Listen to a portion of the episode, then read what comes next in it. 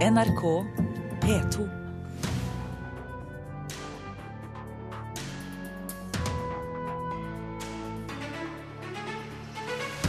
Åtte av ti nordmenn synes mediene bør kunne trykke karikaturtegninger, viser ny forskning.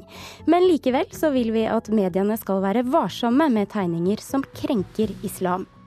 Du får ikke billigere nettavisabonnementer selv om nullmomsen fjernes. Norske mediehus vil bruke pengene på journalistikk.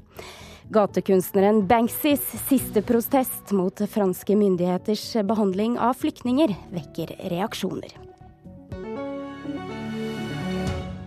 Dette er Kulturnytt, og mitt navn er Stine Traalt. Åtte av ti nordmenn synes at mediene bør kunne trykke karikaturtegninger, selv om de kan oppleves som religiøst krenkende. Men mange av oss vil at mediene skal være varsomme likevel, og spesielt med tegninger som krenker islam. Hvis du ser her, det er en karikaturtegning fra Charlie Hebdo Mm, som viser profeten Mohammed ja, med rumpa bar. ja. Er det greit? Nei, jeg syns ikke det. Hvor går egentlig grensa? Karikaturtegninger med religiøst innhold kan såre. Et eh, flertall av oss mener likevel mediene bør kunne trykke dem. Det viser undersøkelsen Ytringsfrihetens grenser, som Institutt for samfunnsforskning har gjort på vegne av Fritt Ord. Men på gata i Oslo er mange skeptiske til tegningene i magasinet Charlie Hebdo. Jeg syns en skal respektere folks, eh, folks tro. Du bare viser ikke respekt for andres meninger og det de tror på, så det er ikke greit. Selv om vi syns mediene bør kunne trykke karikaturer, mener fire av ti at mediene må være varsomme når det kommer til religiøst innhold. Det jeg driver med her, er en tegning til i morgen. I et kontor i sjuende etasje på VG-huset i Oslo sitter Roar Hagen ved pulten, bøyd over blyanttegnede politikere. Og vi har Jonas og Børge Brende og Hareide. Den mangeårige karikaturtegneren reagerer på at folk mener mediene må være varsomme med religiøse karikaturer. jeg kan jo forstå at folk tenker det, men det er jo veldig lite gjennomtenkt. Fordi eh, hvis vi skal tenke oss et samfunn der religionene skal være fritatt for kritikk, det vil jo bli helt ulevelig. Ett år etter at de ansatte i Charlie Hebdo i Paris ble skutt ned på jobb for noe de hadde tegna, sier Hagen at det har blitt vanskeligere. Ekstremt mye mer krevende. Eh, og mer interessant. Jeg har personlig ikke noe behov for å krenke noen sånn sett. Det er ikke derfor jeg holder på med dette. Men demokratiet er nå slik at du må tåle kritikk. Du må tåle at noen ler av deg. Men du sjøl, du tegner ikke i profeten Mohammed f.eks.? Nei, altså jeg er nå altfor glad i livet, selvfølgelig, så det, det vil jeg ikke. Begynner I hvert fall ikke begynne med nå. Men eh, jeg forsøker jo å utfordre religiøse maktstrukturer og, og, og kulturelle maktstrukturer så ofte som jeg kan. I Fritt Ord-undersøkelsen er det flere som syns det er greit å publisere krenkende karikaturer mot kristne, enn tegninger som krenker muslimer. Eh, retten til å kunne publisere også krenkende karikaturer. Eh, Den mener jeg at det er helt sentralt. Sier Shoaib Sultan, rådgiver i Antirasistisk Senter og muslim. På den andre siden så er det noe med å greie å ha flere tanker i hodet samtidig. Og det å kunne gjøre noe betyr ikke at man skal gjøre det. For eksempel den her. Det er et bilde av eh, Gud. Også karikaturer som krenker Gud, kan få folk til å reagere. Ett år etter terrorangrepet mot Charlie Hebdo i Paris, og så står det 'morderen er fortsatt på frifot'. Syns ikke noe om det der. Om det er fra hvilken som helst religion, så er det ikke greit. Er det greit? Det er en karikaturtegning, og det er jo kunst på en måte. Og som kunsthalt bør jo kunne få lov til å uttrykke seg. Så jeg vil si det er helt innafor. Reporter i denne saken var Irina Kjelle. Velkommen til deg, Kari Sten Johnsen. Du er en av forskerne som har utført denne undersøkelsen, som har fått navnet Ytringsfrihetens grenser. Det er eh, gjort på vegne av eh, Fritt Ord. Mange nordmenn eh, vil at mediene skal være varsomme med å publisere krenkende karikaturer. Er det et overraskende funn? Jeg tenker at altså, det, vi er nødt til å se helheten her eh, i utgangspunktet. sånn at eh, funn er kanskje ikke overraskende gitt den store debatten som har vært rundt karikaturtegninger eh, det siste året. Um, mange mener at det er greit at media publiserer, men vi har altså denne varsomheten som finnes der. Ja, for er det en motsetning i dette når så mange uh, synes det er greit, men likevel vil at mediene skal være restriktive på en måte? Det uttrykker nok kanskje hvor vanskelig denne debatten er, da, og hvor sterke argumenter som har vært framme både når det gjelder viktigheten av å kunne publisere, men også alle, alle forbeholdene, alle vanskene, alle konsekvensene som, eh, som, eh, som, har vært til stede i den debatten, eh, spesielt det siste året. Studien viser at det er stor aksept i befolkningen altså for å publisere karikaturer som kan virke støtende på kristne. Fortell litt om eh, hva dere fant ut her. Ja, vi fant en forskjell, og det var høyest aksept for karikaturer som kunne krenke kristne. Det sa 48 eh, mot 39% som sa det samme om muslimer, og 43% sa det samme om jøder. Eh, så vi ser at karikaturer som krenker kristne, skiller seg ut, og det tror vi har å gjøre både med at det oppfattes som en majoritetsreligion i Norge, og også at det på en måte mer er objekt for maktkritikk i den tradisjonelle religionskritikkens forstand.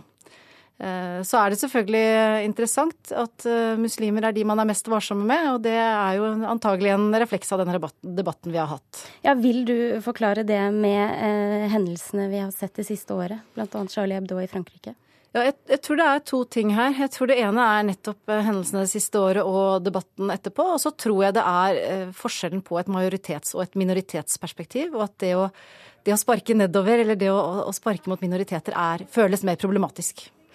Eh, for et år siden, etter Charlie Hebdo, så var det mange som støttet seg til uttrykket 'jeg er Charlie'. Er vi fortsatt Charlie?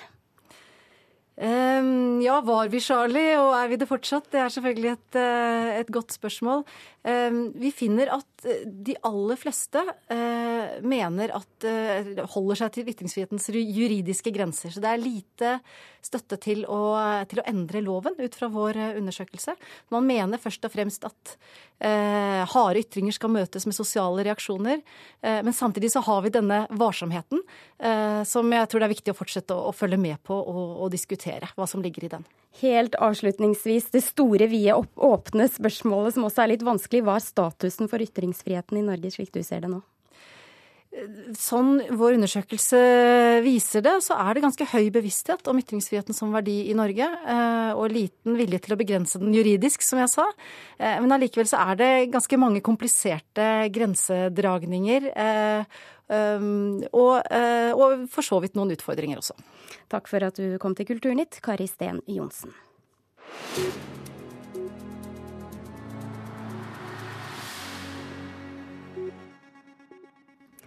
Romansen mellom USAs president Barack Obama og hans kone Michelle har blitt til film, og nå så vekker den eh, oppsikt på Sundance filmfestival. Eh, Erin Venås eh, Sivertsen, hva slags film er dette? Den heter South Side of You, og handler altså om den første daten som Michelle og Obama hadde i Chicago i 1989. Hør litt på dette her. Now, how's it gonna look to a guy like Thompson if I swoop in and start dating the first cute black guy who walks through the firm's doors? The liberal minded people will think it's precious, and the closed minded people will think it's pathetic. You think I'm cute? I didn't say that. Altså, denne filmen ble vist på Sundance filmfestival, som pågår i USA nå. Den er blitt sammenligna med Richard Linklatters Before Sunrise, som er en veldig kjent eh, og kritikerrost eh, komedie. Eh, den har fått gode kritikker, og det er en debutant som har lagd den. Og en annen film som har fått oppmerksomhet på Sundance, reporter her i NRK, Eirin, det er en film av den tyske filmregissøren Werner Herzog. Han har laget rett og slett en dokumentar om internett. Det har han, og han liker ikke internett. Han eh, har aldri lest en tweet som han syns er interessant. Um, han har utvikla en aversjon mot uh, sosiale medier, og um, slo ikke på mobiltelefonen sin på et år. Uh, han er redd for den dumskapen som han mener han finner på internett. Han er jo en kjent regissør som har lagd en rekke kritikerroste filmer, um, og han vil ta et, da, et oppgjør med folks avhengighet av internett.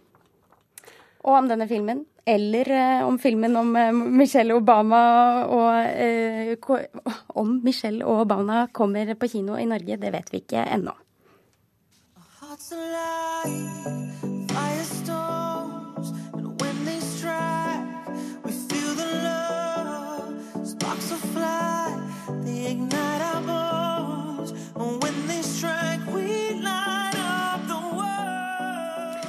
Vi skal til, eh, fra film til musikk. Velkjente toner fra den norske artisten Kygo her. Han har akkurat spilt eh, for 18 000 yorkere, hørte vi i Kulturnytt i går. Men til Spellemann kommer han ikke, Eirin. Nei, han gjør ikke det, selv om han er nominert i fem kategorier, og han kan også bli årets spellemann. Men han kommer ikke til Norge, han skal spille på X Games i Aspen, Colorado i USA.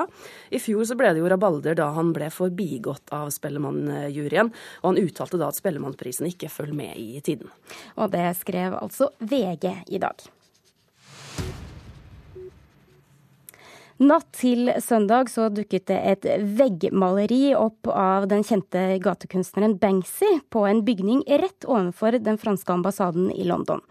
Budskapet hans er tydelig. En protest mot franske myndigheters behandling av flyktningene i det som kalles flyktningjungelen i leiren i den franske byen Calais. Ganske umiddelbart ble Banksys gatekunst på veggen i London dekket til, og korrespondent eh, Espen Aas, hva skjedde egentlig?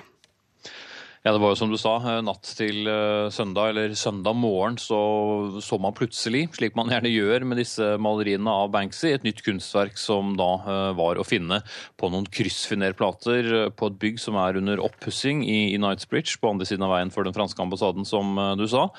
Eh, bygningsarbeidere eh, forsøkte å fjerne denne platen med brekkjern, men eh, da den holdt på å gå i stykker, så valgte de i stedet i går å dekke det til med nye plater, sånn at nå går det ikke an å se bildet lenger. Det tiltrakk seg jo selvsagt en del folk, som det gjerne gjør når det dukker opp nye Banksy-bilder. Helt hvorfor gårdeieren som står bak det, har valgt å gjøre det, om han ble bedt om å dekke det til, det vet vi ikke, men han har selv sagt at det først og fremst ble gjort for å bevare seg selve bildet, men budskapet er jo da naturlig nok ikke å se lenger. Ja, Hva slags reaksjoner har det kommet på denne tildekkingen? Ja, så strømmet jo da selvsagt mange til Nicebridge for å se det, eh, så lenge det var uh, mulig. Uh, Banksy er jo en populær kunstner, og mange av de som kom dit, syntes jo det var morsomt at det var malt rett på andre siden av veien for franske ambassaden. Mange har jo reagert på at de ikke lenger kan se det, for de er jo veldig populære når det dukker opp, og mange vil jo ta bilde av det selv. Men om de nå får se det igjen, og hva som skjer med det, er jo helt i det blå. Ja, Vi må litt tilbake til selve veggmaleriet, Espen Aas. For det Banksy har tegnet, er et eh, bilde av Cosette, jenta fra Victor Hugos roman Le Miserable. Eh, hvordan kan dette bli til en protest mot franske myndigheters behandling av flyktningene i eh, Calais? Ja, Som med de fleste bildene til Banksy, så må man se litt eh, ekstra nøye på det. Eh, hun eh, er det, det er det kjente ansiktet som mange kjenner bl.a. fra plakaten til musikalen. Men hun holder da et fransk flagg i hånden og feller tårer. Og under henne så er, kommer det opp en sky av tåregass fra en boks, som da er en henvisning til hvordan franske myndigheter har forsøkt å fordrive mange av flyktningene fra leirene i Calais.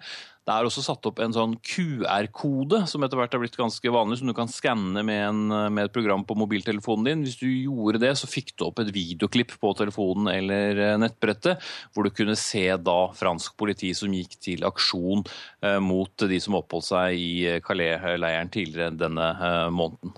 Han har jo vært veldig kritisk flere ganger, Banksy, til hvordan eh, europeiske land har, har taklet denne menneskestrømmen. Ja, og han har jo også laget et, eh, en, en, noe gatekunst inne i leiren i, eh, i Calais av Steve Jobs. Hva vil han eh, si med det? Det var for å vise at uh, han også uh, kom fra samme sted som mange av menneskene i leiren, fordi han var sønn av uh, syrisk flyktning selv. det ble også malt et maleri på immigrasjonskontoret inne i tettstedet, som var en variant av Medusas flåte, hvor den så den kjente flåten, men også cruiseskip på Middelhavet i bakgrunnen. Så Banksy har vært veldig aktiv i denne saken. Takk skal du ha, korrespondent i London, Espen Aas. Du hører på Kulturnytt, og dette er overskriftene denne morgenen.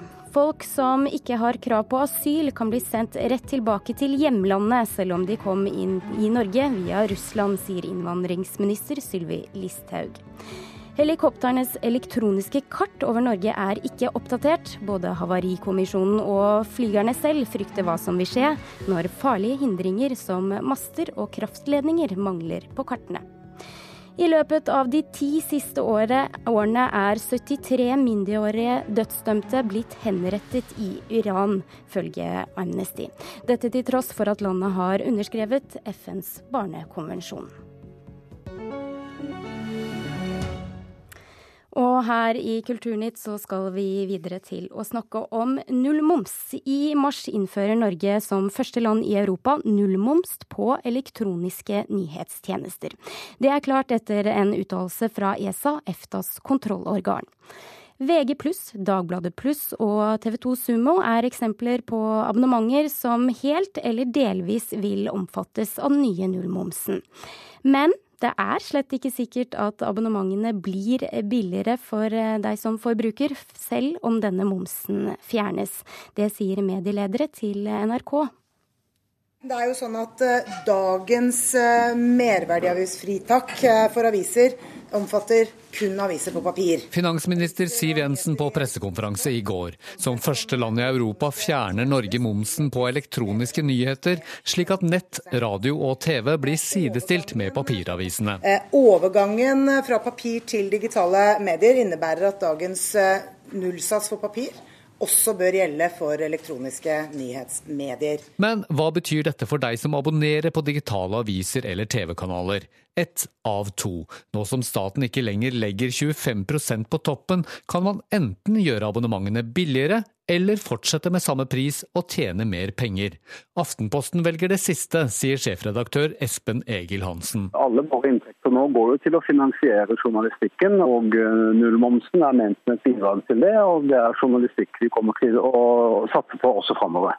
Så prisene på abonnementene skal ikke ned?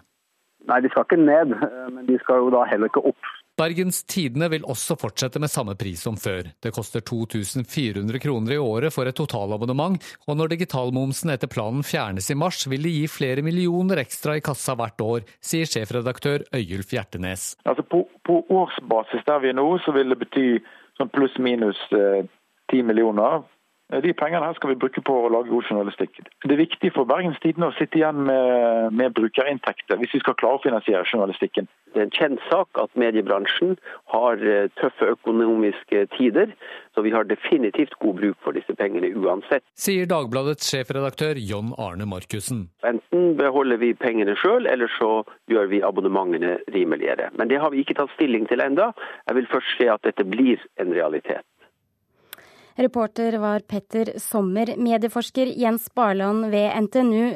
Nettavisabonnementene kommer da også tydeligvis neppe til å bli billigere fremover, selv om momsen forsvinner. Hvordan vil leserne da merke denne endringen? Eh, leserne vil nok først og fremst merke dette ved at, eh, som disse avislederne også sa, at de, de, får da mer ressurser til utvikling av journalistikken.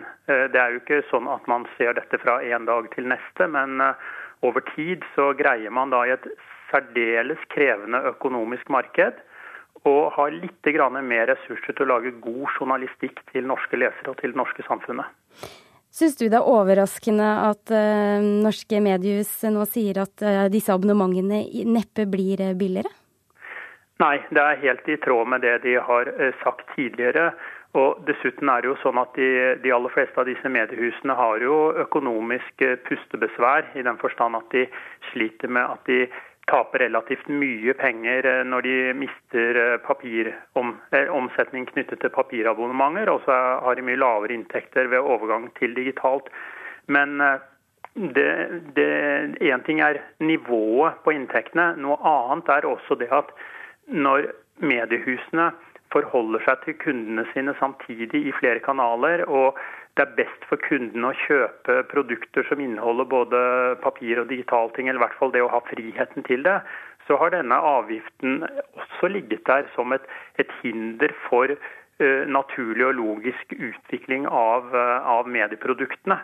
Så de blir også eh, kvitt et hinder så, som bare ligger der som et, eh, et trøblete element. Så Det er også et pluss for innovasjon og utvikling av journalistikk, ved siden av selve inntektsnivået. Debatten rundt et fritak eh, på denne momsen har pågått lenge. Har det vært et så stort problem som mange norske medier har gitt uttrykk for? De har nok brukt litt store ord, selvfølgelig.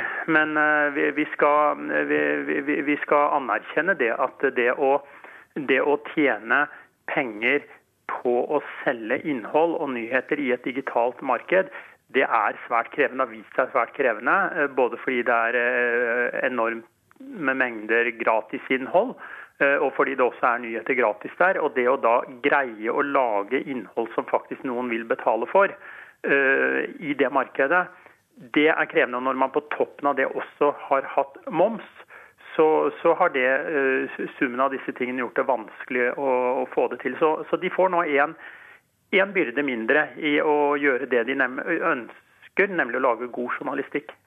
Men likevel så er det ikke slik at alle er omfattet av dette fritaket. I søknaden til ESA så har regjeringen nemlig lagt til grunn at det er de brede nyhetsmediene som skal få dette momsfritaket.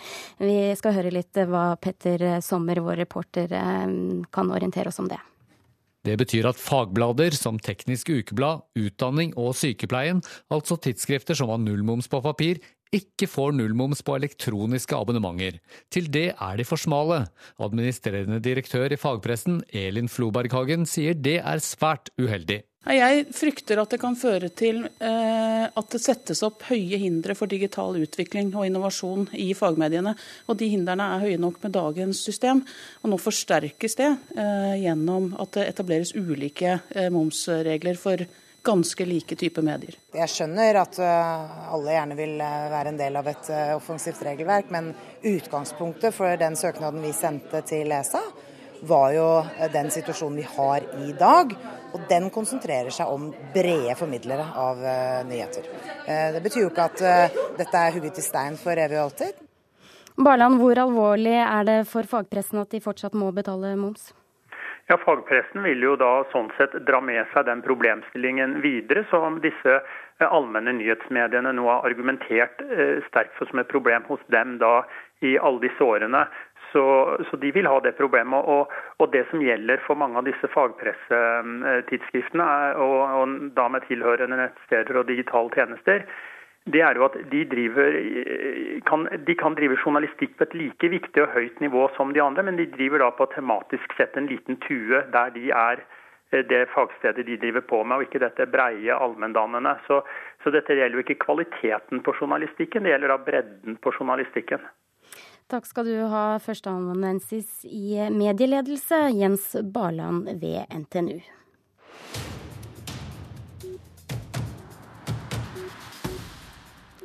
Da har vi kommet frem til ukens bokanmeldelse. Leif Ekle, vi skal snakke om en gangsterroman som allerede før utgivelsen har fått eh, ganske mye oppmerksomhet. Det er Stein Sørensens Fire. Eh, han er debutant. Hvorfor har han eh, fått oppmerksomhet så tidlig? Ja, Antagelig så er det flere enn meg som går rundt og håper på at det skal skje noe med kriminallitteraturen som gjør den litt mer interessant enn den har vært ganske lenge. Uh, og Dessuten så tror jeg forlaget har vært flinke til å spre ryktet om at her kommer det en kriminalroman som er helt annerledes, som har noe helt annet. Og, og dessuten så kommer det jo på et forlag, Kolon, som så vidt jeg vet aldri har vært i nærheten av en kriminalroman før. Det er et slags statement der, da, vil jeg tro. Det er altså en gangsterroman. Er det dette litteraturens svar på Det Sopranos? Eller? Ja, Hvis vi skal holde på formlene, så er det vel ikke det, da. For Sopranos er jo en sånn amerikansk-italiensk mafiating. Og riktignok kommer mafiaen, den italienske, inn her også på slutten og, og roter det hele til for uh, vår helt.